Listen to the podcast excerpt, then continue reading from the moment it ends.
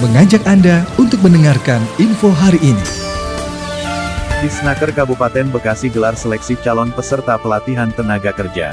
Tambun Utara, Dinas Ketenagakerjaan di Snaker Kabupaten Bekasi menggelar seleksi calon peserta pelatihan tenaga kerja kategori instalasi listrik, welding las OO dan body repair kendaraan ringan di Aula Balai Pelatihan Kerja, Desa Srimahi Kecamatan Tambun Utara Kabupaten Bekasi, pada Selasa tanggal 8 Maret tahun 2022.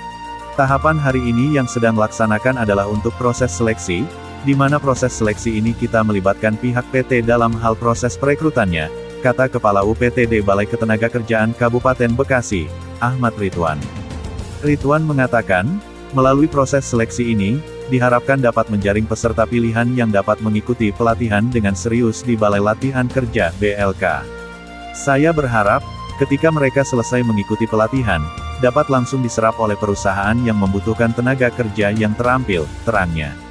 Selain itu, Ridwan menjelaskan, Manfaat yang didapatkan bagi pencari kerja yang sudah mengikuti pelatihan, mereka sudah mempunyai keahlian dan dibekali dengan dua sertifikat yaitu sertifikat dari Dinas Ketenagakerjaan Kabupaten Bekasi dan sertifikat kompetensi dari Badan Nasional Sertifikasi Profesi BNSP.